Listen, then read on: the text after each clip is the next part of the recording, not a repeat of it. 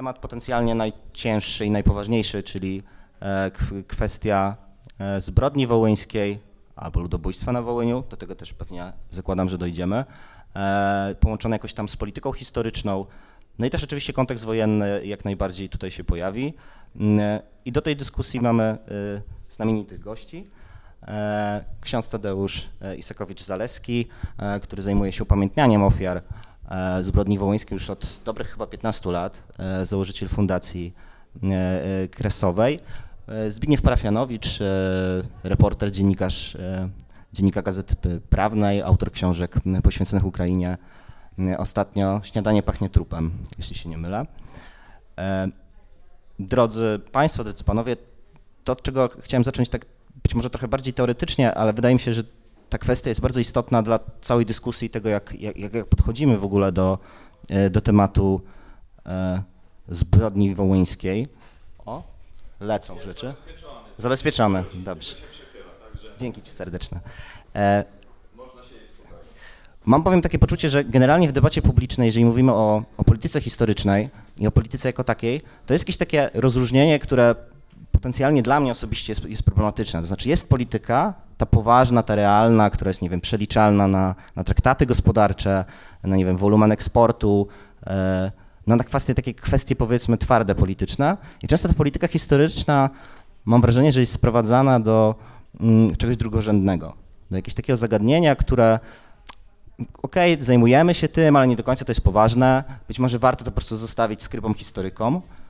Natomiast czy, moje pytanie brzmi, czy z perspektywy naszej, szczególnie naszej polskiej, jako kraju, który leży na, na czymś, co Timothy Snyder by nazwał skrawionymi ziemiami i właśnie w kontekście choćby właśnie zbrodni wołyńskiej, czy my możemy sobie pozwolić na takie podejście, które właśnie tę politykę historyczną będzie traktować jakoś tak frywolnie, tak drugorzędnie, jako coś jako dodatkowego wobec tej, tej, tej, właściwej polityki.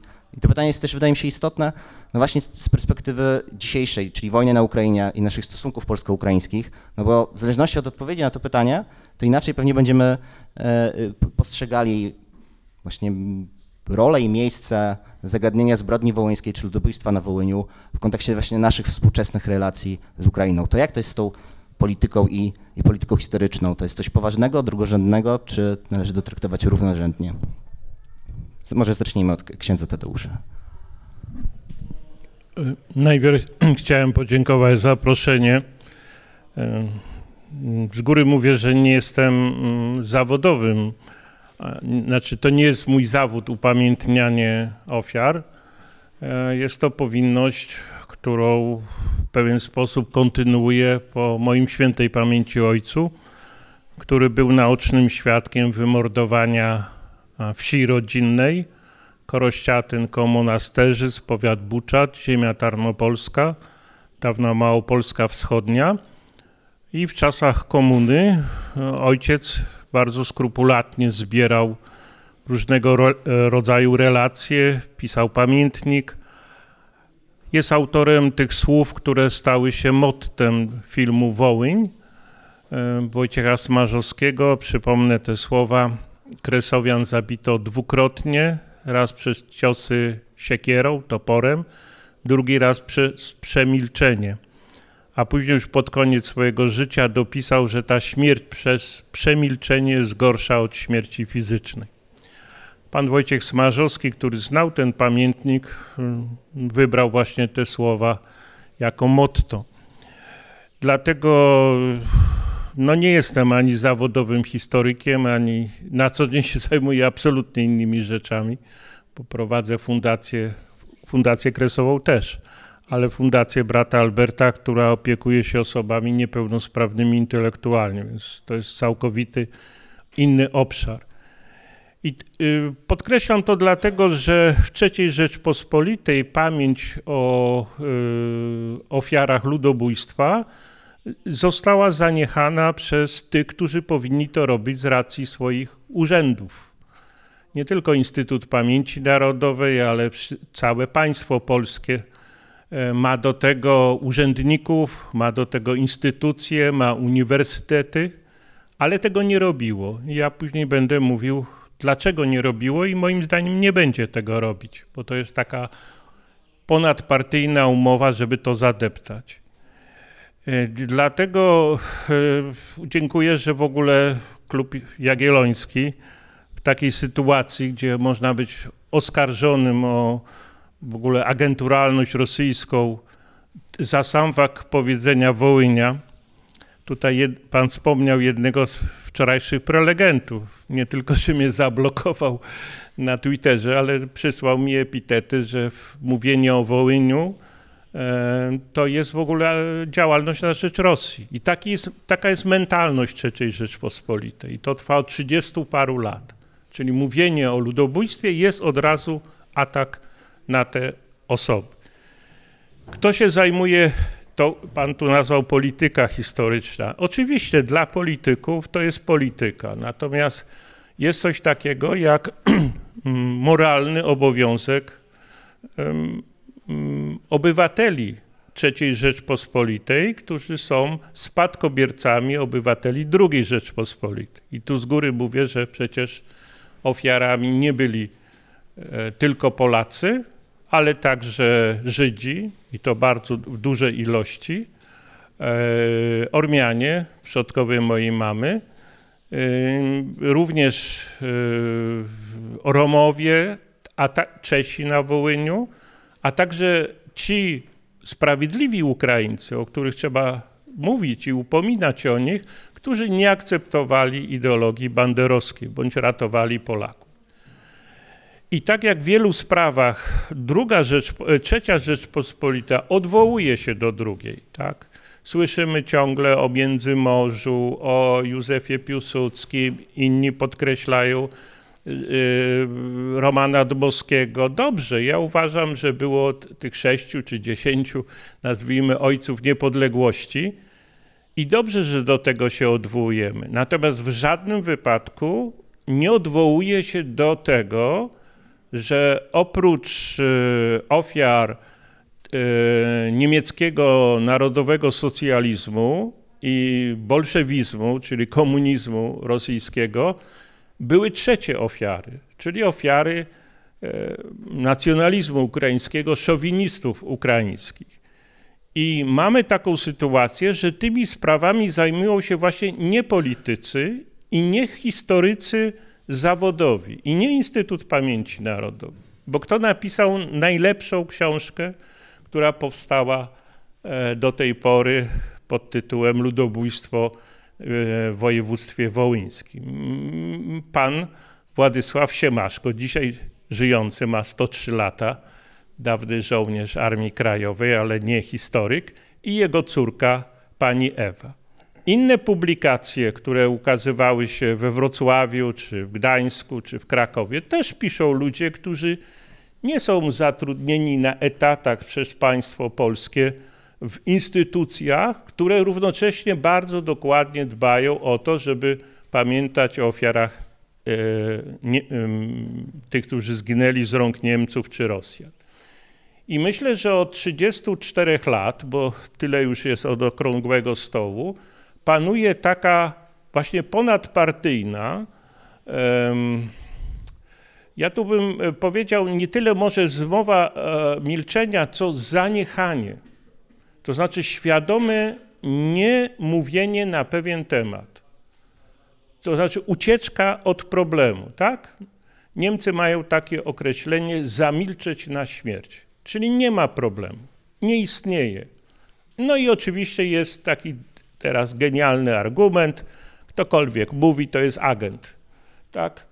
Ja to pamiętam z czasów komuny, jestem tutaj starszy od większości państwa, jeżeli wtedy współpracowałem z Solidarnością, z pismami niezależnymi, jakiekolwiek wzmianki o Katyniu, o pakcie Ribbentrop-Mołotow, o zsyłkach na Sybir, od razu było jedno. Agent amerykański, imperialista, służy obcym. Dzisiaj mamy powtórkę z historii. Czyli to, co członkowie PZPR E, zarzucali rodzinom katyńskim i tym uczciwym patriotom, którzy bronili prawdy i chcieli przede wszystkim pochować te ofiary, to dzisiaj dokładnie obecny establishment polityczny, niezależnie od etykietki partyjnej, to ma. Jeszcze jedną rzecz powiem, bo nie chcę tutaj oczywiście przeciągać tej sprawy. E, pan mówi o polityce historycznej. No ale jaka to jest polityka? Za kilkanaście dni jest jedna z najważniejszych uroczystości 80. rocznica Krwawej Niedzieli i nie ma żadnego planu ze strony państwa polskiego przygotowania uroczystości, zaproszenia rodzin, spotkania z tymi rodzinami i podjęcia e, jakiegoś dialogu. To dotyczy tak władz państwowych, jak i władz kościelnych. No muszę tu z przykrością jako ksiądz powiedzieć, że władze kościelne przy tym obecnym sojuszu z ołtarza stronem absolutnie przejęły tą narrację e, państwową, czyli nie ma. Należałem przez cztery lata do Komisji Wspólnej Rządu i Mniejszości Narodowych. Tam reprezentowałem mniejszość ormiańską. Mam przyjaciół choćby w tych wspólnotach żydowskich, które zresztą bardzo dokładnie dbają o pamięć. Kiedy była teraz 80. rocznica powstania w getcie warszawskim, bardzo ważna rocznica. Jestem pełen szacunku dla tych bohaterów, którzy walczyli wtedy.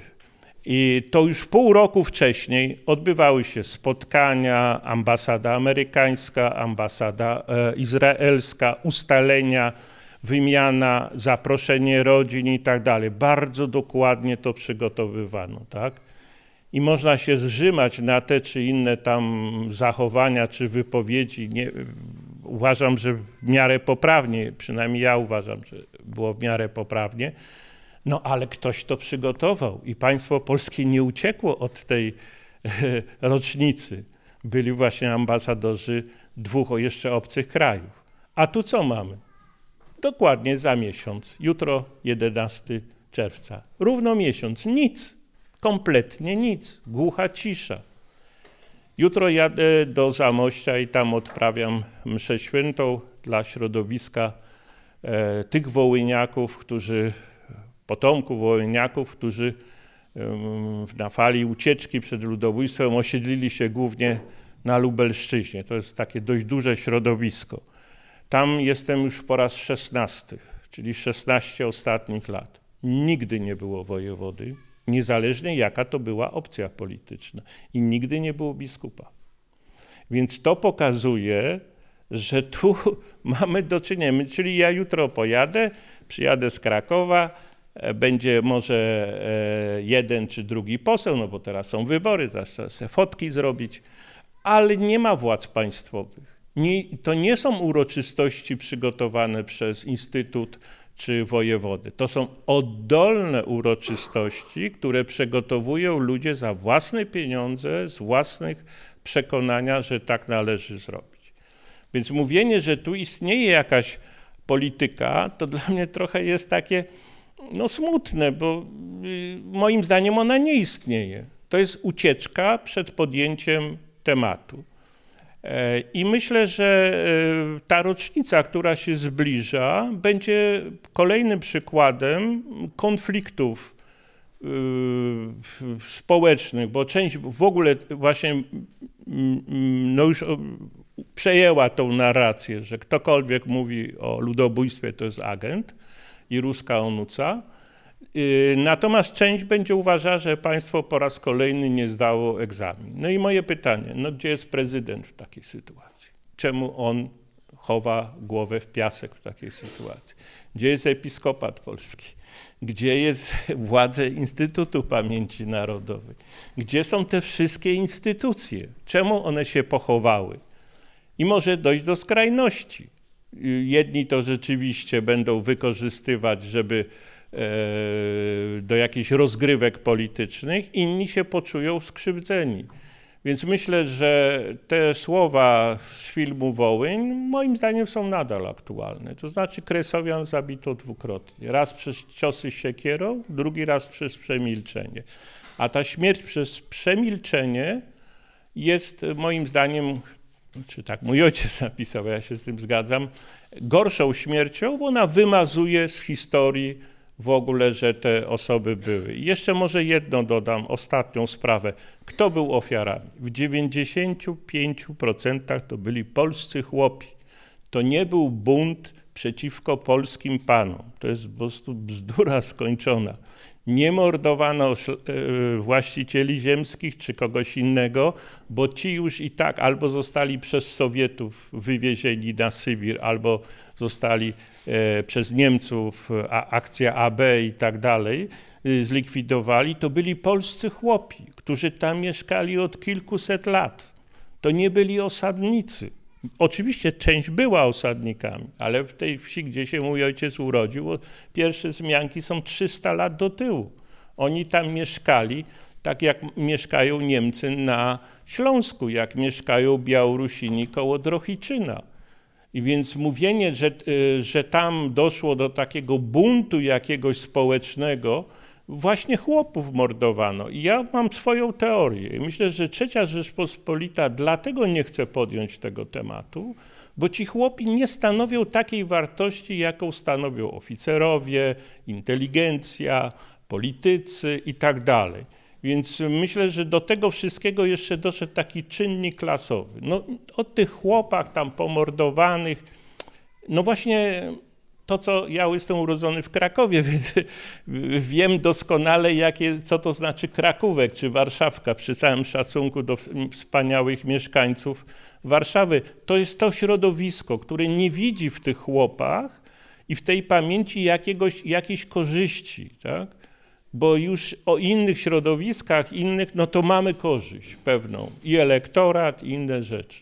A tutaj nie ma. I myślę, że dzisiaj będziemy świadkami, na czym boleję, że e, po raz kolejny e, ten grzech zaniechania, takie jest pojęcie w, w teologii moralnej, no, no, jest dokonany przez władze państwowe, które być może coś na łapu capu przez przypadek zorganizują, ale de facto to będzie ponad rodzinami i poza tym środowiskiem, czyli taka sztuka dla sztuki.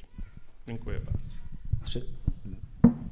Dopytując na podstawie wypowiedzi księdza, czy to jest tak inaczej? Czy podchodzisz tak samo krytycznie do, do tej diagnozy o jakimś ponadpartyjnym porozumieniu? I to, co mi się też rzuciło w oczy, na paralela, która jest niedokończona. To znaczy, kiedy mówiliśmy o żołnierzach wyklętych, to przez wiele lat to też była inicjatywa oddolna w kontekście ich upamiętniania. W pewnym momencie to zostało przejęte przez, przede wszystkim przez Prawo i Sprawiedliwość. Stało się też na jakimś, wzięte na sztandar ich polityki historycznej. Tutaj tego nie ma, więc ewentualnie jakieś takie dopytanie, dlaczego to nie nastąpiło? Dlaczego to nie nastąpiło dotychczas to przejście od oddolnej inicjatywy samych, że tak powiem, zainteresowanych na ten poziom, poziom państwa, a być może po prostu nie zgadzasz się z tak y, ostrą y, i mocną diagnozą, która została przedstawiona. Moim zdaniem przede wszystkim dziękuję za zaproszenie, tak samo jak ksiądz, już drugi raz jestem w, w Serpelicach, także doskonała okazja, żeby prowadzić dyskusję o wschodzie, o Ukrainie. E, ale wracając do tematu. E, jeśli chodzi o diagnozę e, księdza, to ja do końca się nie zgodzę z tym, że państwo nie podejmowało żadnych działań, bo to, to, jest, to jest w zasadzie po prezydenturze Krawczuka i Wałęsy, gdy rozpoczęła się prezydentura Kuczmy i Kwaśniewskiego, tak, takie czynności były podejmowane, tylko takim błędem w genetycznym tej polityki był brak konsekwencji. Zmienność, brak konsekwencji i brak jednoznacznie ustanowionych celów takiej w polityki historycznej, którą państwo polskie prowadziło. W przeciwieństwie do Ukrainy, która niezależnie od tego, kto był jej prezydentem od czasów Kuczmy, politykę historyczną ma bardzo spójną. To, to, to jest jedna z naj, w zasadzie z polityk ukraińskich, państwowych, polityka historyczna jest najbardziej spójna. Niezależnie od tego, czy rządzi ktoś tak ahistoryczny e, i jest takim no, postmarksistowskim produktem jak Janukowycz, to mimo wszystko instytucje zajmujące się polityką historyczną, gdzieś tam archiwiści SBU czy Instytut Pamięci Narodowej Ukrainy, on nadal, ta, ta polityka wobec UPA, wobec Wołynia e, kierowała się tym samym nurtem. A my mamy e, politykę od Kwaśniewskiego, który gdzieś tam niebezpiecznie oscylował wokół nadania takiej symetrii pomiędzy tym, co, czego dokonywała UPA, a czego, co, co, co zdaniem historyków ukraińskich realizowała na, na, na, na, na kresach Armia Krajowa, co jest nieprawdą. Oczywiście tej symetrii nie ma. Tutaj, żeby była jasność, jeśli chodzi o moje stanowisko w, w tej sprawie. E, po politykę takiego mm, jakby niuansowania przez Lecha Kaczyńskiego, czyli wprowadzania do tematu również hołodomoru, który miał złagodzić, jakby wy, wyrównać e, krzywdy po obydwu stronach, ale nie kosztem Polaków, którzy e, od tego symetryzmu w zbrodniach na, na kresach uciekali. Po całkowite dezinteresement ze strony Komorowskiego, który pojechał do Kijowa w 2015 roku, e, wygłosił przemówienie w Radzie Najwyższej, po czym po godzinie czy półtorej wnuk Szuchewycza w, przedstawiał uchwały historyczne, e, które penalizowały badanie w, UPA i uznawanie tej organizacji za, przez polskich historyków, tak jak na przykład Motyka, za, za organizacje zbrodnicze i który, no on wprost przyznawał, Bronisław Komorowski, że on nie widzi potrzeby w analizowaniu ustaw historycznych uchwał, bo to jest, się nazywa uchwała w, prawo, w prawie konstytucji, w prawie ukraińskim, no ale to jest źródło prawa w gruncie rzeczy. Te, te uchwały historyczne Komorowski wprost deklarował, że nie widzi in, nie, sensu w analizowaniu skutków potencjalnych tego ustawodawstwa, które dla historyków takich jak na przykład Grzegorz Motyka potencjalnie były niebezpieczne, bo w, badając na przykład e, w historię UPA na Ukrainie narażał się na odpowiedzialność tam karną czy cywilną, co jest jakby problemem z punktu widzenia e, ochrony e, badaczy polskich przez państwo polskie.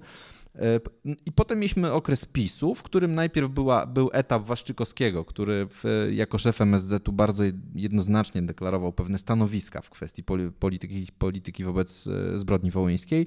Objął e, Szeremetę zakazem wjazdu do SIS, no ale Waszczykowski odszedł, przyszedł nowy szef MSZ-u, który w zasadzie no, od tego odszedł. Prezydent też od pozycji asertywnej przeszedł na pozycję taką rozumie, rozumiejącą w zasadzie, zrobił zwrot o 180 stopni i to było, Ukraińcy to widzieli. Widzieli, że Polska prowadzi politykę, w której sama nie wie, czego chce od, od, od Kijowa, e, nie wie, nie potrafi zdefiniować swoich celów w tej polityce.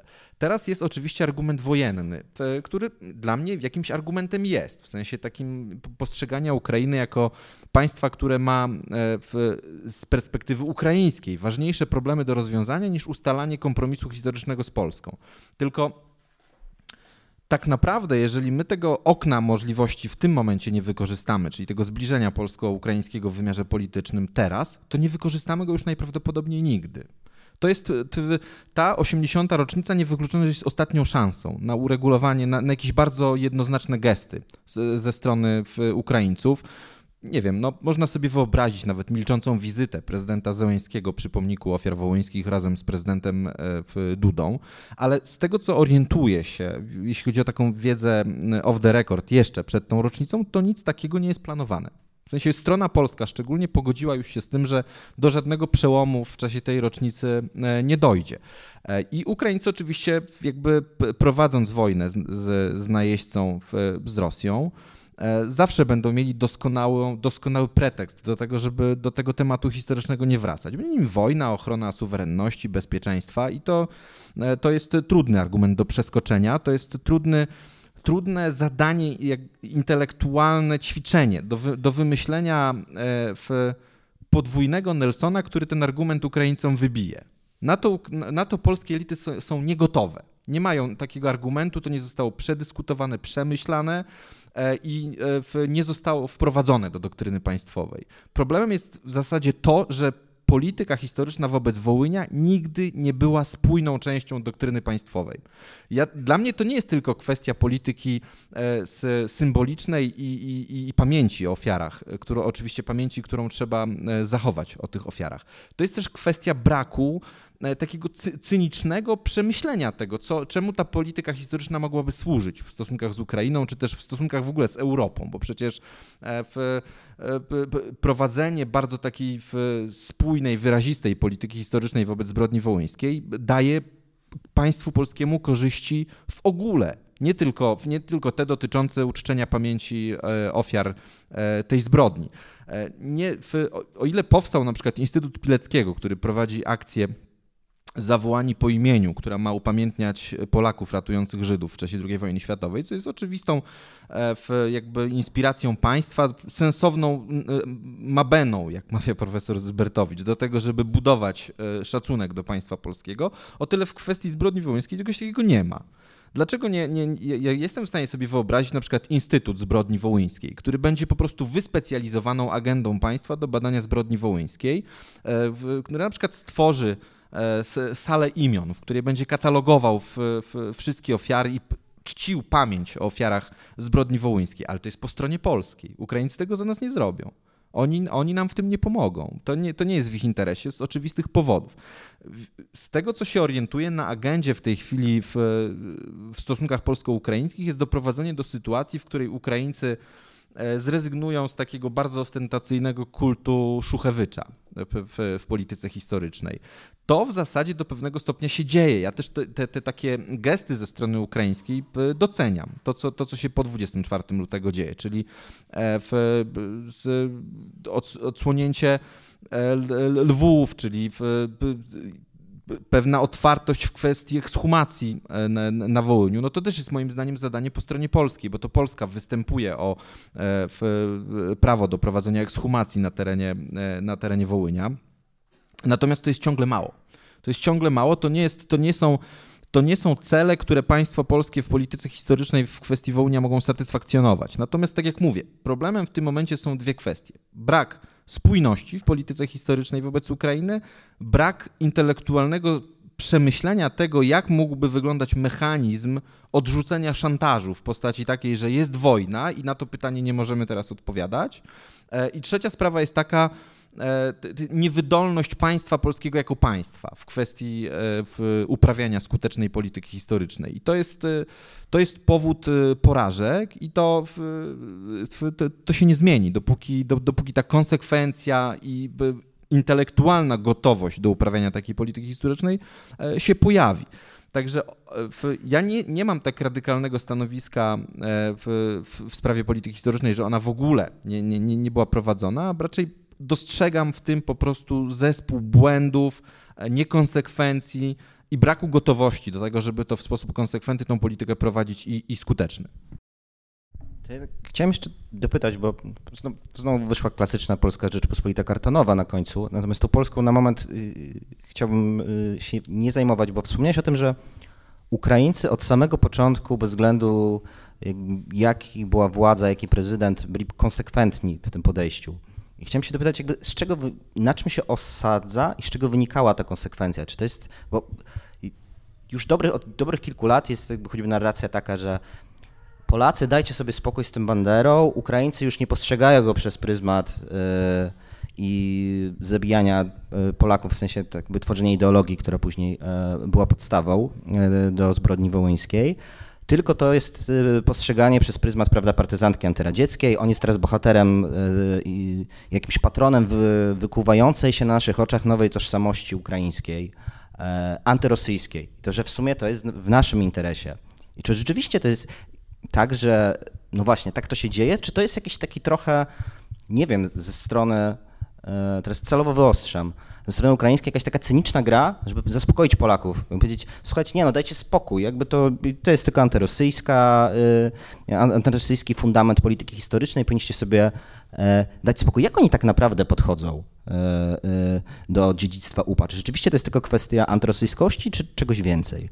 Znaczy, tylko sekundkę, jedno dosłownie zdanie do, dotyczące tej asertywności i tego, tego cynizmu państwa ukraińskiego. Ja uważam, że Ukraina w tym momencie, e, nie, nie oceniając tego, bo to jest rezultat e, sytuacji wojennej, ale Ukraina w tym momencie jest e, jednym z najbardziej asertywnych państw w Europy. To jest mental Izraela po wojnie Jom Kippur. To jest sytuacja, w której ktoś, kto E, przetrwał e, najazd rosyjski, przeszedł do kontrofensywy, e, to jest sytuacja, w której naprawdę Polska jako państwo będzie miała trudność, żeby cokolwiek przeforsować zgodnego z jej interesem, bo na przykład pojawił się taki argument, że możemy używać argumentu granicy w realizacji swoich interesów z Ukrainą. Jeden z, z, z przedstawicieli dy, dyplomacji powiedział mi, wyobraź sobie sytuację, w której na godzinę tą granicę zamykamy. Jak, jak, jakby, wyglądała, jakby wyglądała narracja wokół, wokół roli Polski, która, która używa granicy jako argumentu do tego, żeby swoje cele polityczne wobec Ukrainy realizować. A przecież cele polityczne Polski wobec Ukrainy nie zniknęły wraz z wojną. I one są często odmienne niż cele polityczne czy cele, interesy narodowe w Ukrainy. Dlatego to mówię, to jest, to jest ciągle ćwiczenie intelektualne, które nie zostało wykonane w, w, w polskich elitach dyplomatycznych i politycznych. A jeszcze dopytując o to, bo to było też do ciebie w kontekście tej polityki historycznej ukraińskiej, z czego wynikała y, ta konsekwencja, jakby jak oni postrzegają tą rolę UPA, UPA tożsamościowo y, dla nich? To jest taka, taka, taka narracja, że UPA nie jest jedynym elementem narodowotwórczym na Ukrainie i to, to, jest fakt, no bo nacjonalizm kogoś z Charkowa jest inny niż nacjonalizm człowieka z Lwowa. Ktoś E, z Charkowa będzie orientował się na tradycję awangardy dwudziestolecia międzywojennego, teatr Berezil, pisarzy, którzy pochodzili z Charkowa e, w, i, i w, na taką ukraińskość wynikającą z literatury, z pewnej spuścizny literackiej tego regionu. Inaczej wygląda postsowiecka, postsowiecka e, polityczność i jakby pojęcie narodu u kogoś z Krzywego Rogu czy z Mikołajowa to jest, to, to, to, to jest zupełnie co innego, a inaczej galicyjska czy wołyńska, czy, czy na przykład Starnopola.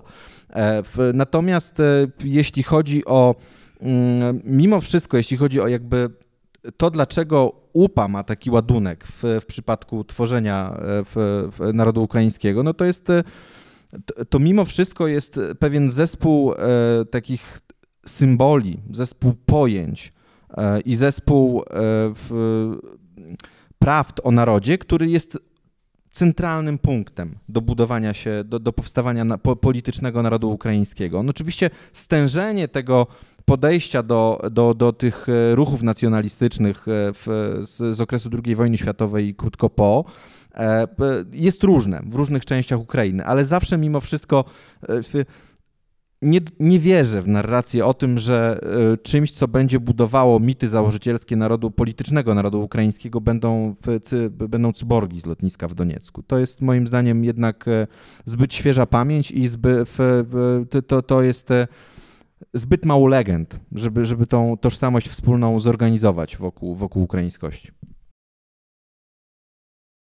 Wracając trochę na kontekst czy na podwórko polskie, chciałem teraz zapytać y, y, y, księdza Tadeusza, na podstawie doświadczeń, bo to też może być, wydaje mi się, ciekawe dla nas, doświadczeń samych, samych kresowiaków, bo to jest tak, że jakby, tak jak ksiądz to przedstawił, oni od wielu dekad jakby ta ich mm, pamięć była bardzo sprywatyzowana, jednocześnie nie tak nieobecna w przestrzeni publicznej, co może rodzić jakieś takie poczucie dużej, uzasadnionej krzywdy, które potencjalnie może się też przekuwać jakiś rodzaj nawet gniewu.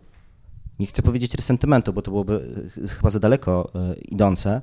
I to poczucie sprawiedliwości też może się przeradzać w jakąś chęć czy pragnienie jakiegoś rodzaju kary czy zemsty. I z tej perspektywy chciałem zapytać właśnie o te doświadczenia. Czego tak naprawdę oni, jako te rodziny kresowe, czego oni oczekiwali? Jak oni sobie wyobrażają to, tą sprawiedliwość i to zadośćuczynienie, zarówno z perspektywy polskiej, jak i przede wszystkim z perspektywy, z perspektywy ukraińskiej. Tu chodzi o wypowiedzenie prawdy, czy pójście jeszcze dalej? Hasło rodzin kresowych, no, które są zorganizowane w wielu organizacjach społecznych, jeszcze raz podkreślam, to są wszystko działania oddolne, niefinansowane przez państwo polskie, bo to jest dla mnie też klucz do tego, że państwo polskie finansuje pewne rzeczy, różne instytucje, fundacje, także stowarzyszenia, ale w tym wypadku, y, niezależnie kto rządził, e, to jest wszystko działalność oddolna. Hasło tych rodzin jest proste. Nie o zemstę, lecz o pamięć i prawdę wołają ofiary. Taki e, napis jest e, wzięty z książki Odojewskiego, który zresztą był świadkiem ludobójstwa, chociaż nie pochodził z Kresów Wschodnich. To jest taki pisarz, przepraszam, zapomniałem mnie, albo Włodzimierz, albo Władysław. Już poprawcie mnie Państwo. Tak, Włodzimierz. I, I, to zostało przyjęte y, na pomniku. Nawiasem mówiąc, ten pomnik w Krakowie, który był stawiany w 2003 roku, był y, storpedowany przez Radę Miasta Krakowa, królewskie, papieskie teraz miasto i tak dalej, żeby nie używać słowa ludobójstwa. I proszę sobie wyobrazić, że wtedy Rada Miasta głosowała, czy było ludobójstwo, czy nie było ludobójstwo na Wołyniu.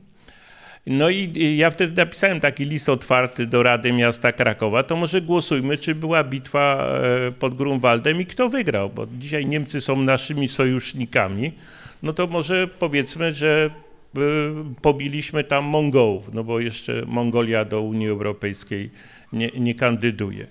I proszę sobie wyobrazić, że Rada Miasta głosowała i jednym, jedynym głosem zadecydowała, że jednak było ludobójstwo. I to jest dla mnie ten klasyczny przykład absurdu. I tu się zgadzam z panem, że to może nie jest do końca tak, że to jest jakiś, e, może to z mojej strony tak wygląda, jakiś sojusz gdzieś tam zawiązany, tylko to jest taka skala niekonsekwencji i niekompetencji, że dzisiaj będzie tak, jutro będzie inaczej, a pojutrze będzie jeszcze inaczej. I teraz, gdy to obserwują Ukraińcy, no to widzą to całe pasmo niekonsekwencji. Ale wracając do tego hasła, moim zdaniem chodzi o trzy sprawy. Prawdę. W Ewangelii jest jasno. Poznacie prawdę, prawda was wyzwoli. E, Józef Mackiewicz, e, pierwsza nagroda, jaka była te, e, imienia Mackiewicza, właśnie była dla państwa Siemaszków.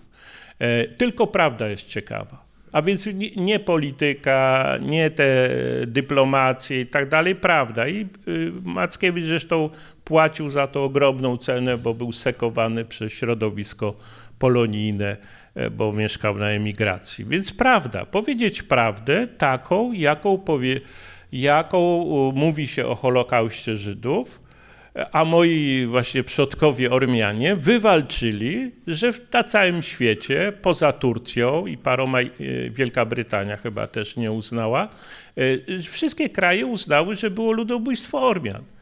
I teraz Armenia to jest malutki krajik, to jest jedna czwarta dawnego narodu, trzy czwarte mieszka w emigracji.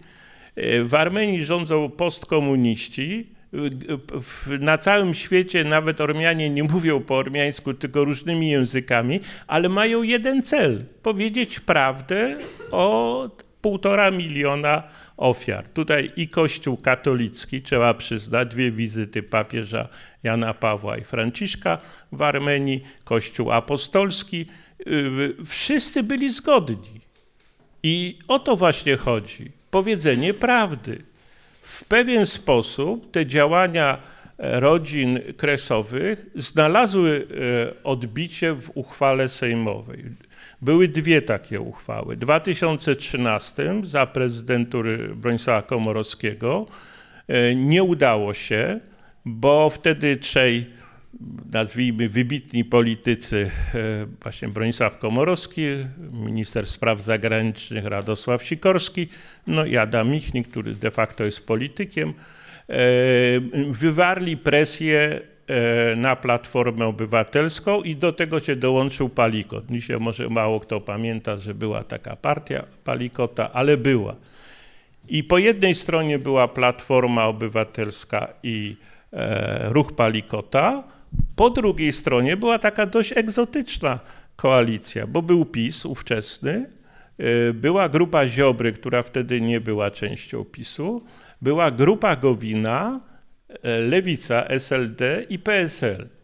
Jedni głosowali, żeby, y, znaczy Palikot i Komorosy, no partia Tuska wtedy była, nie, nie, nie głosowali, żeby to nazwać o znamionach ludobójstwa, więc już nie coś tam powiedzieć, ale nie. Pozostali głosowali za prawdą. Zabrakło 10 głosów. Tak jak w Sodomie i Gomorze. Zabrakło tych dodatkowych, nie tylko, ale dodatkowych 10 głosów. I to w 2013 roku nie przeszło. W 2016 roku przeszło. Ale jak przeszło, to też warto pamiętać. W Senacie znowu PiS głosował za i y, przy mojej ogromnej krytyce do PiSu tutaj jednak przyznaję rację, że wtedy głosowali za. E, Platforma była przeciw, ale jeszcze dziwniej było w Sejmie. Wtedy mm, marszałek ówczesny Sejmu, jak już tak chcecie Państwo, żeby mówić o polityce, e, Marek Kuchciński pojechał na Ukrainę do Truskawca i spotkał się z synem Szuchewycza. I tam ustalano, co, co wolno tym Polakom dać. I dlatego, o ile uchwała Senatu była 8 lipca 2016 roku, to uchwała Sejmu była dopiero 22 lipca, po konsultacji Marka Kuchcińskiego z, z banderowcami, no bo tak trzeba powiedzieć. Nawiasem mówiąc, Truskawcu to dobre miejsce, bo tam właśnie banderowcy zabili e, polskiego posła Tadeusza Hołówkę. Nie wiem, czy pan Kuchciński w ogóle o tym wiedział, ale myślę, że w jakiś sposób symboliczny e, ten Truskawiec został jeszcze raz podkreślony, co te środowiska oczekują. No i później było głosowanie.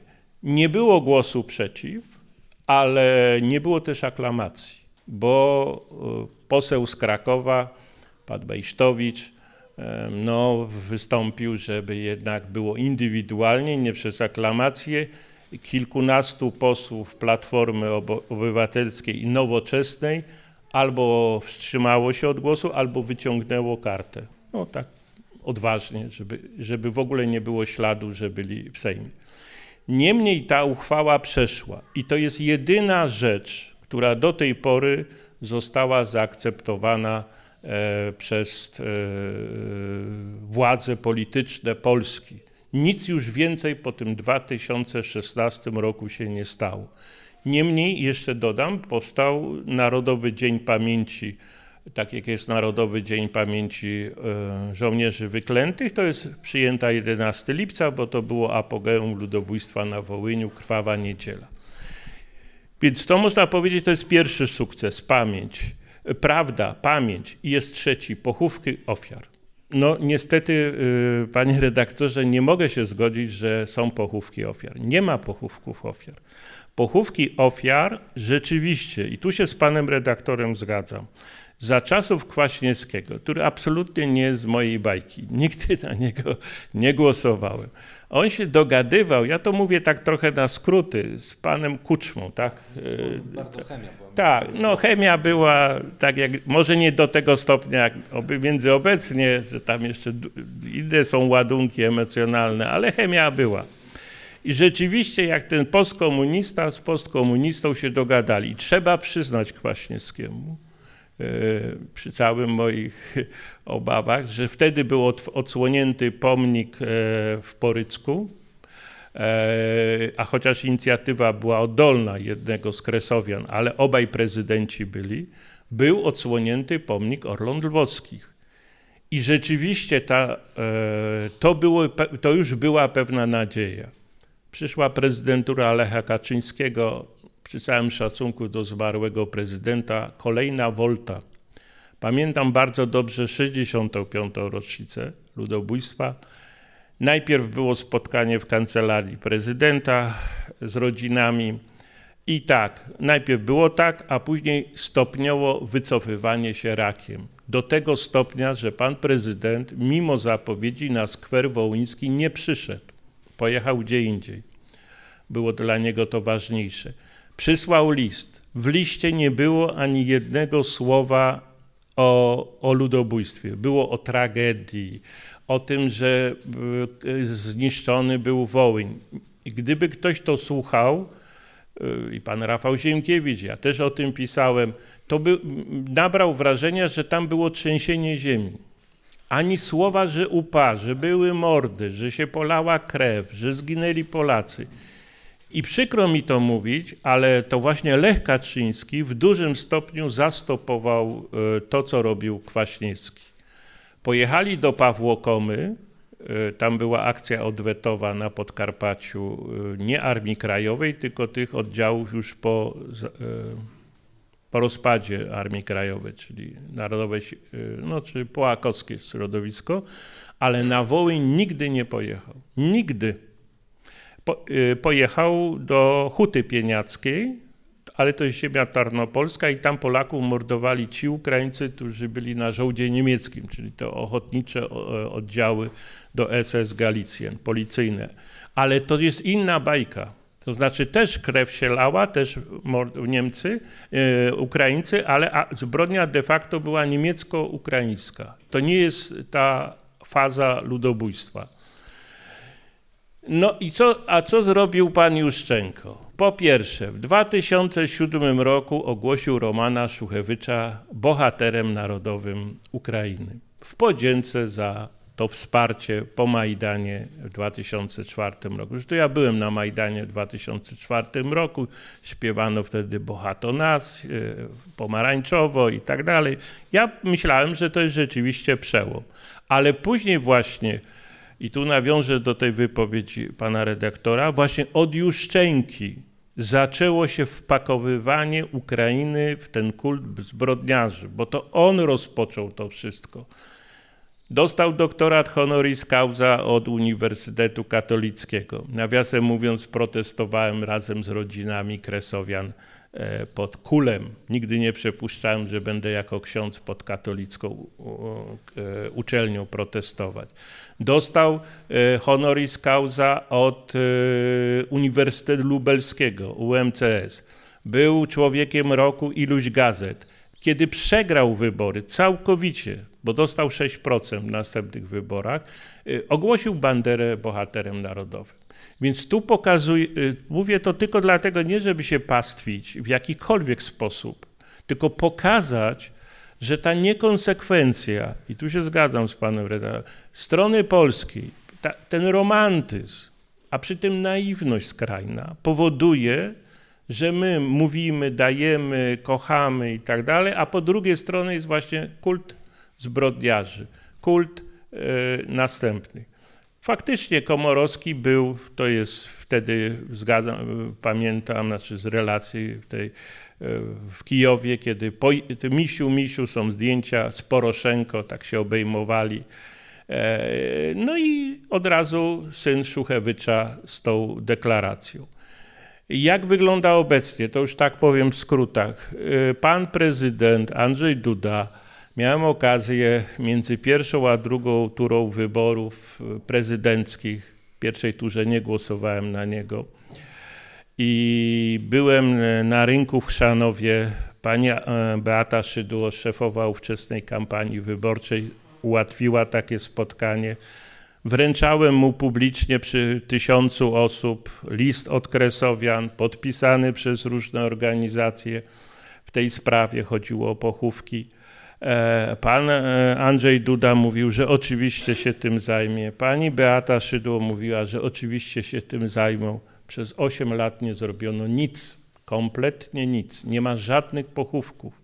Te ostatnie pochówki były w 2013 roku, czyli już jest 10 lat, odkąd nie ma e, pochówków. Natomiast co robi pan prezydent? Przede wszystkim nigdy nie był na naszych uroczystościach, nie wziął patronatu. E, albo nie było odpowiedzi, albo odpowiedź była odmowna. Nagle w zeszłym roku, na trzy dni przed uroczystością, na stronach internetowych było ogłoszone, że pan prezydent przyjdzie. E, ja byłem oczywiście na tych uroczystościach co roku. No i oczywiście no, ogromne przemówienie, emocje, trochę krzyku o Zełęńskim, o, o wojnie na Ukrainie, no, no w ogóle tak jak on to w tym stylu mówi, dobrze Państwo wiecie jak mówi. E, I nie dopuszczono rodzin po raz pierwszy, także nikt z przedstawicieli tych rodzin, chociaż były przygotowane przemówienia, nikt e, nie został dopuszczony. Była tylko monolog, były transparenty, E, mówiące Ukraino, czemu nie pozwalasz nam pochować naszych ojców i dziadów. Pan prezydent kluczył, ale w pewnym momencie nadział się na ten, na ten transparent, bo już nie mógł wejść do samochodu. No to powie, co powiedział? Jest to nagrane, to było też i do mnie skierowane, ale były też inne osoby, że należy ważyć słowa, bo każde słowo, jedno za dużo, szkodzi jednej i drugiej stronie. I pytanie, kto jest tą drugą stroną dla pana prezydenta Andrzeja Dudy? I dlaczego słowo prawdy ma szkodzić relacjom? Na to pytanie do dzisiaj nie ma e, odpowiedzi, ale proszę sobie wyobrazić sytuację, bo to jest nie do wyobrażenia, żeby pan prezydent w czasie obchodów w getcie warszawskim podszedł do rodzin Holokaustu i powiedział: Macie ważyć słowa, bo każde słowo szkodzi jednej i drugiej stronie. Moim zdaniem interwencje ambasad, nie tylko izraelskich, byłyby natychmiastowe, więc inaczej traktuje rodziny Holokaustu, inaczej traktuje e, te sprawy. No i żeby już nie ciągnąć tego, jeżeli w tym roku nie będzie, na pewno już wiadomo, że nie, to, to ta rana, bo to jest rana, moim zdaniem jeszcze się pogłębi. To znaczy, to będzie też argument dla tych, którzy nie chcą pomagać Ukrainie. To będzie też bardzo silny argument wyborczy i tego już się nie przysypie ziemią. Ja to mówię nie dlatego, bo ja nie, nie, nie wiążę tego z żadną partią polityczną, tylko że ten grzech zaniechania nie rozwiązał tego problemu. Tak? No i nie ma pochówków, żeby tylko być precyzyjnym. Po 10 latach jedynie organizacja, fundacja, to się chyba nazywa Demokracja i Wolność, proszę mnie poprawić, jak to jest tam pana Dworczyka, dostała pozwolenie na, e, na ekshumację w Późnikach, to jest wieś, która nie istnieje, nawiasem mówiąc 12 kilometrów dalej urodził się mój ojciec, wymordowana przez banderowców, ale to nie jest Wołyń. To nie jest Wołyń. To nie jest ta część, która e, był, oczywiście banderowcy to zrobili w 1945 roku, czyli już pod koniec wojny. To nie jest ta fala. I teraz pytanie, prywatna organizacja, a czemu nie IPN? Poza tym, a gdzie są rodziny? To znaczy, co rodziny się dowiedzą, że ktoś pojechał z łopatą i tam będą wykopywać coś? Dzisiaj mamy czerwiec i na razie jest tylko informacja medialna ze strony pana Dworczyka, że tak, coś takiego ma być. Czyli znowu nie ma państwa polskiego. Nawet gdyby doszło do ekshumacji, to bez musi być prokurator. Ja akurat byłem przy ekshumacjach e, w Charkowie. To była ekshumacje tych rozstrzelanych przez Sowietów, NKWD, polskich oficerów. Moja ciocia jest siostrą zakonną i tam pracowała w Charkowie. Ja akurat byłem w tym czasie w Charkowie. No więc był, y, y, były rodziny, pobierano genetyczne tam mm, badania i tak dalej, prokurator i tak dalej. To wszystko robiło państwo polskie. Piękny cmentarz jest zresztą y, na terenie Ukrainy w Charkowie, Piatichatki. Tak, tak, Piatichatki. Teraz słyszałem, że jest uszkodzony przez Tak, tak to był bardzo przez intensywnie Sowietów. bombardowany w tak. marcu i w kwietniu rejon, bo to było przy niedaleko ruskiej Łozowej, gdzie właśnie mm, Rosjanie... Boleję byli. na tym, bo byłem wiele razy w Charkowie, piękne miasto i bardzo życzliwi ludzie i tam też duża kolonia polska była jeszcze z czasów XIX wieku. Ale przechodząc, do, e, kończąc tylko, że właśnie nie ma tych e, ekshumacji. Nie ma. Czyli znowu dzisiaj jesteśmy jeszcze jedną rzecz powiem, tylko proszę, nie, nie, ja wiem, że pan nagrywa, ale i pójdzie to do internetu. Ale nie, broń Boże, ja tak jestem, prze, mam przeklapane, ale... Ale, ale jeszcze nie. Ale, ale właśnie jako trochę świadek, jak tam przeszliśmy z tymi sztandarami, przepuścił nas Bor i tak dalej, no jeden z ministrów, już nie jest ministrem tam w, w kancelarii prezydenta i przychodził i mówi, słuchajcie, dzisiaj Żeleński przeprosi, dzisiaj będą przeprosiny. I tak oprzeć wszystkich. Byliśmy naprawdę przekonani, że dlatego prezydent przyszedł po raz pierwszy, że będą przeprosiny. I co było? Żeleński powiedział, że tam Polacy mają takie same prawa e, gospodarcze jak Polacy, jak Ukraińcy w Polsce. No to po co taki e, minister chodzi i opowiada tym rodzinom bajki? Albo sam jest zdezinformowany, przypuszczam, albo naiwnie wierzy, że jakiś tam telefon z Kijowa to jest rozwiązanie problemu i później, no to dzisiaj już tam go nie ma, bo za inne rzeczy został, poszedł, dobrowolnie się podał do dymisji. Ale y, no, no to pokazuje to coś. I teraz, czy te rodziny mają wierzyć? Nie ma już y, ludzi urodzonych na kresach, jest pokolenie moje, czyli dzieci, wnuków. Ci, którzy byli świadkami, odeszli. I więc już to y, nie jest kwestia, y, że tym no, żyje pan Siemaszko 103 lata. Ileż takich osób żyje w Polsce?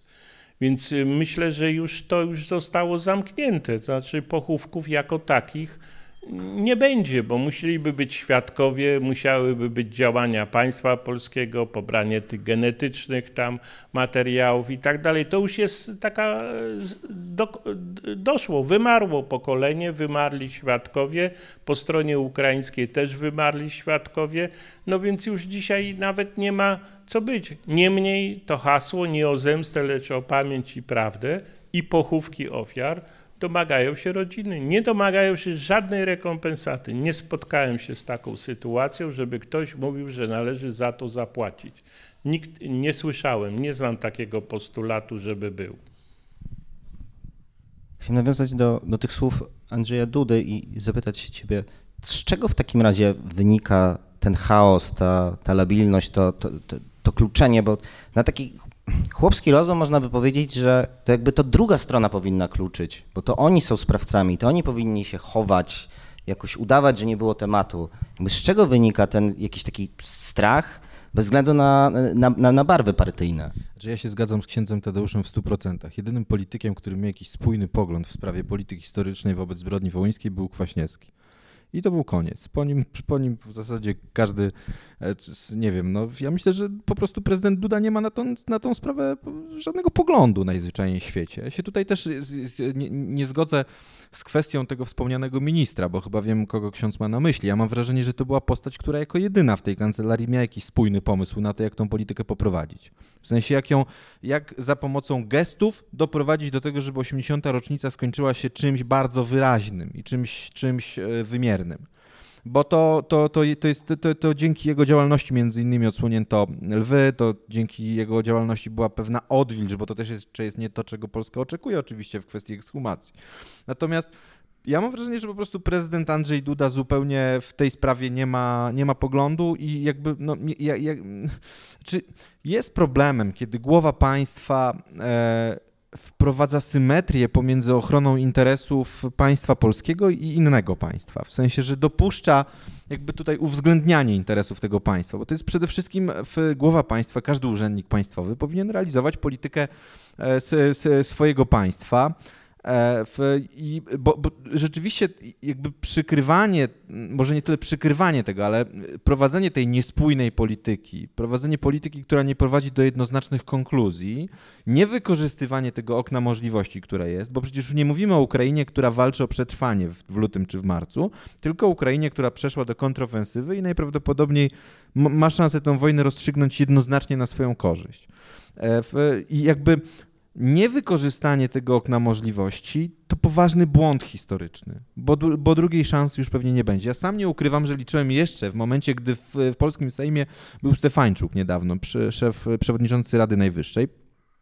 E, e, liczyłem na to, że to jest kontynuacja właśnie tej polityki gestów i polityki e, w przygotowania do tego, że w czasie rocznicy zbrodni wołyńskiej będziemy świadkami czegoś znacznego ale zdaje się, że to, to chyba nie idzie w tym kierunku. Zdaje się, że po prostu Ukraińcy po raz kolejny odczytali tą niekonsekwencję polskiej dyplomacji jako zachętę do tego, żeby sprawę, e, sprawę, sprawę odpuścić. I, I, w tym sensie to jest, to jest niewy, nie, niewykorzystana, niewykorzystana szansa, bo często pojawia się taki argument w dyskusjach polsko-ukraińskich, e, bo ja też nie mówię o tym, żeby tworzyć taki prosty, prostą transakcyjność, że my wam czołgi, wy nam historię. To jest zbyt proste. W, dy, w dyplomacji skuteczniejszą bronią są, jest budowanie funduszy hedgingowych, instrumentów finansowych, które są bardziej złożone i lepiej legendują intencje e, państwa w tym, co chce osiągnąć.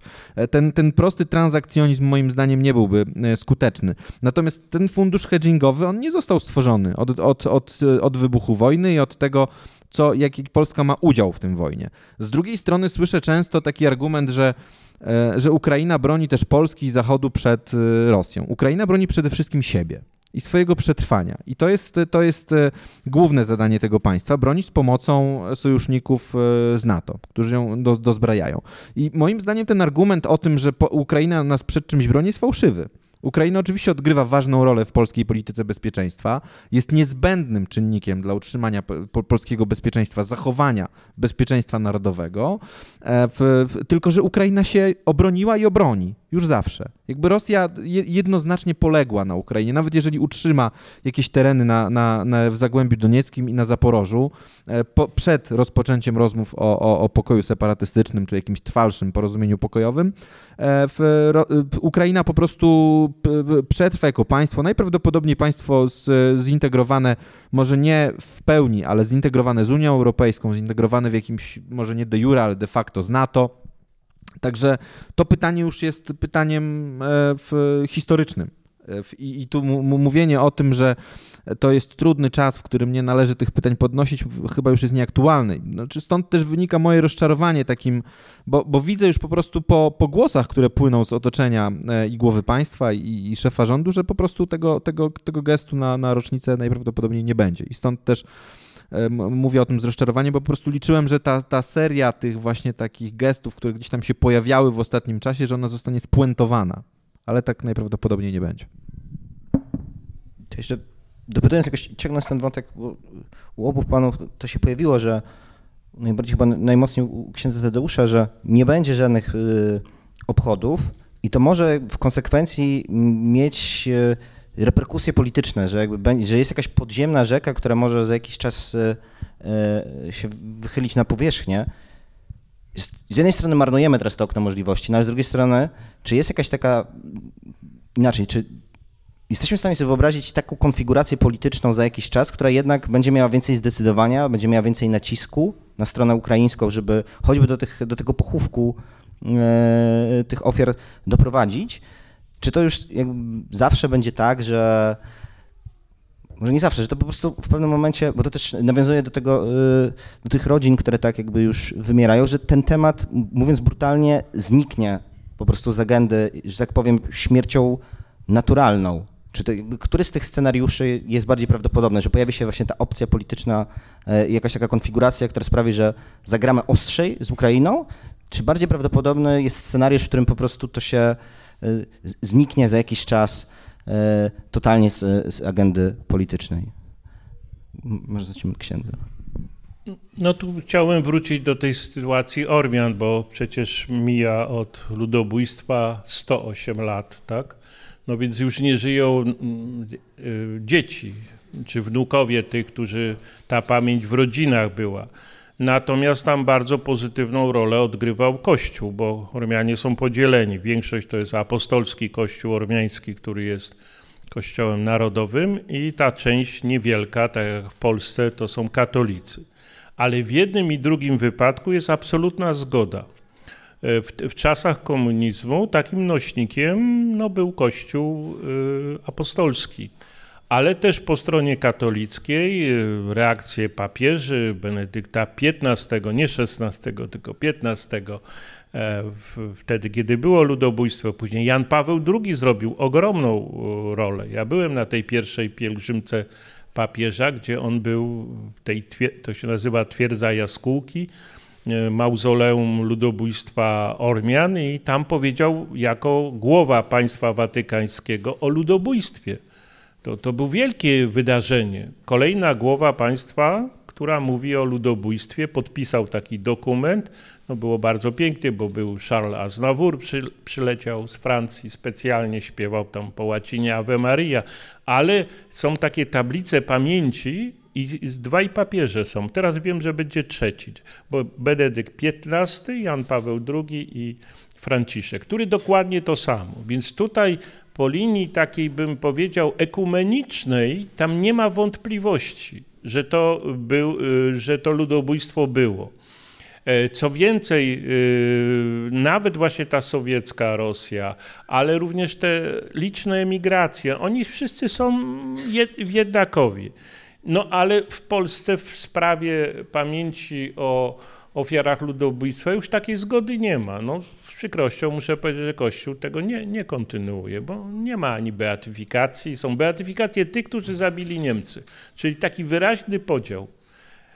E, oczywiście w niczym nie odejmuje to świętości męczeństwa Maksymiliana Kolbe, ale byli księża, których przerżnięto piłą na pół.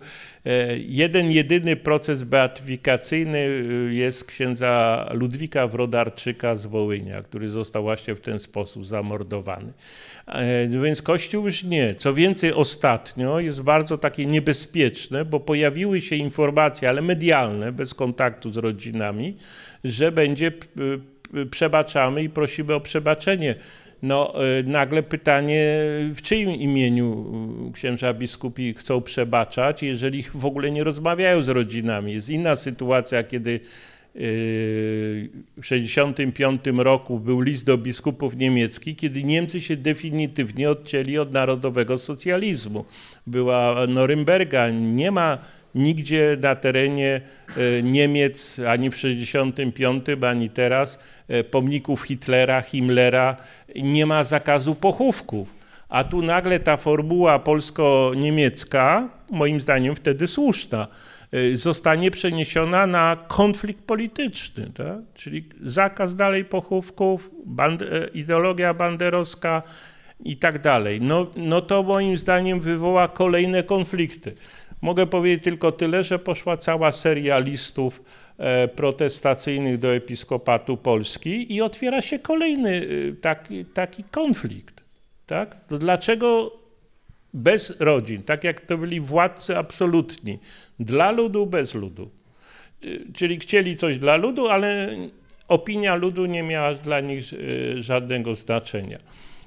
No i czy politycznie? Wydawało się, że jest na to, bo co by nie mówić, e, e, właśnie PiS, ten pierwszy, może inaczej, początki PiSu obecne były jakoś e, w Sejmie, czyli od kiedy? 2015, tak? No, jakieś kroki zrobiono. Nie wiem, dlaczego się zatrzymały. To już politycy, publicyści mogliby powiedzieć, co było powodem takiego wyhamowania, bo ta wojna też przecież nawet jak był konflikt na Donbasie to nie dotyczył Wołynia, nie dotyczył Tarnopolszczyzny, więc tam ekshumacje mogły się odbywać bez żadnego problemu. Dla mnie takim rozdźwiękiem bardzo wyraźnym e, był, e, była właśnie wizyta pana prezydenta Andrzeja Dudy e, na Wołyniu, ale w tym samym dniu prezydent Petro Poroszenko minął się z nim i pojechał do Sachrynia na Lubelszczyźnie, gdzie też była akcja odwetowa. I, i, I do czego doszło? Że dwaj prezydenci, którzy mówią o sobie, że też y, może nie tak bardzo się kochali jak obecnie, ale kochali się. No i, i jeden jedzie na Wołyń, drugi jedzie do Sachrynia i ponoć na tym samym lotnisku e, lądowali, ale się nie spotkali. I gdzie pan prezydent złożył kwiaty? Piękny, może taki teatralny gest, ale w szczerym polu. Dlaczego? Bo nie ma krzyży, bo nie ma pochówków. Więc nawet nie miał gdzie złożyć tych yy, yy, wieńca. Czyli to pokazuje tą bezradność państwa polskiego. Dowodem słabości. Słabości, tak, bo powinno być, yy, no właśnie, znowu wraca Kwaśniewski, no, ale w tym znaczeniu, że on jednak doprowadził choćby do tego pomnika w Porycku, więc tam można było już złożyć. Ale yy, pan prezydent już nie miał gdzie złożyć.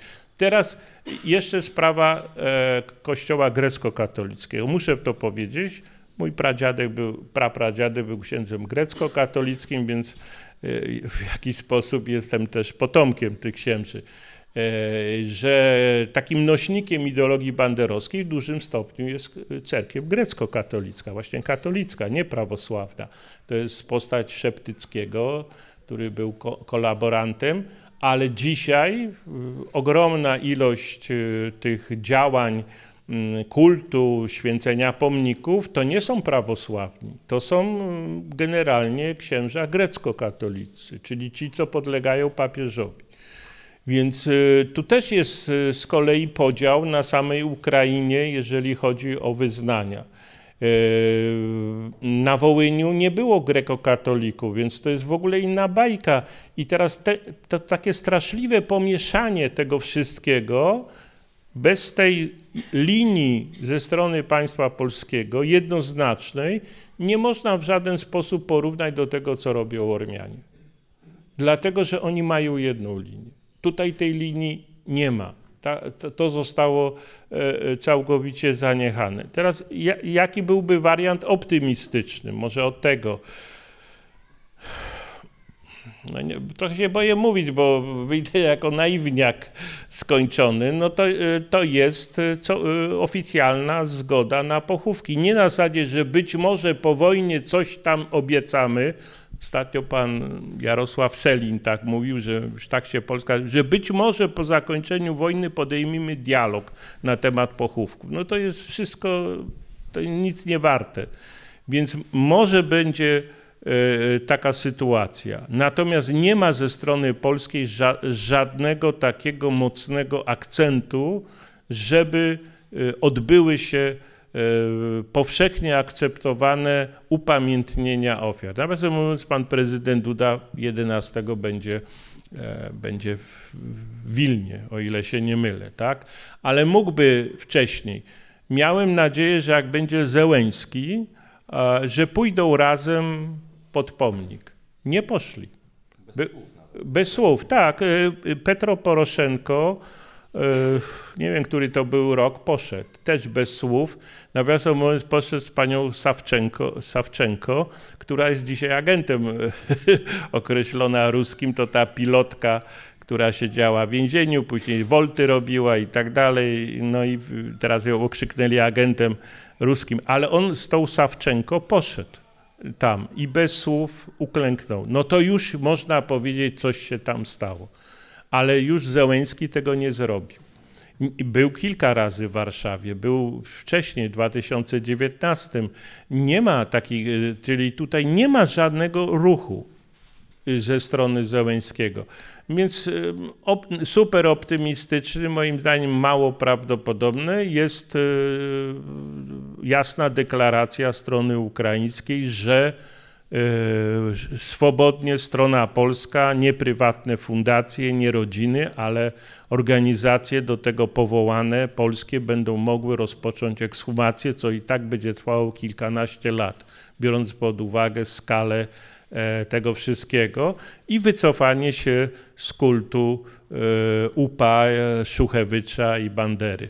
O ile jeszcze Bandera to jest osobna bajka, Państwo wiecie, że to już jest moim zdaniem nie do zmiany, natomiast Roman Szuchewicz jest dowódcą UPA i do dzisiaj na polskiej szkole w Lwowie jest tablica upamiętniająca ludobójcę Polaków. No wyobraźcie sobie, żeby Niemcy na jakiejś polskiej szkole czy placówce oświatowej postawili tablicę Himmlera. Więc jednak strona ukraińska musi wykonać jakieś ruchy, które by spowodowały odcięcie się od tego wszystkiego, a nie to, że to będzie obietnica, że jak wojna się skończy, a nie wiadomo kiedy się skończy, to będziemy znowu o tym rozmawiać. Takie, takie działania nie są. Natomiast jeszcze jedną rzecz dopowiem, że e, dla, moja, moja taka opinia, dlaczego pan prezydent Andrzej Duda tak reaguje, no ma w swoim środowisku ludzi, którzy są zdeklarowanymi przeciwnikami e, upamiętnienia ofiar. On się na tym nie zna, tak jak na wielu innych rzeczach, ale korzysta z takich doradców, którzy mu tam wkładają, tam są nazwiska osób, które no, jednoznacznie zawsze będą konsekwentnie przeciwko upamiętnieniu. Więc mając takich doradców, sam sobie ich dobrał, nikt mu nie narzucił, on będzie się sugerował tym, co ci doradcy powiedzą mu, a nie tym, żeby y, patrzeć na to trochę szerzej.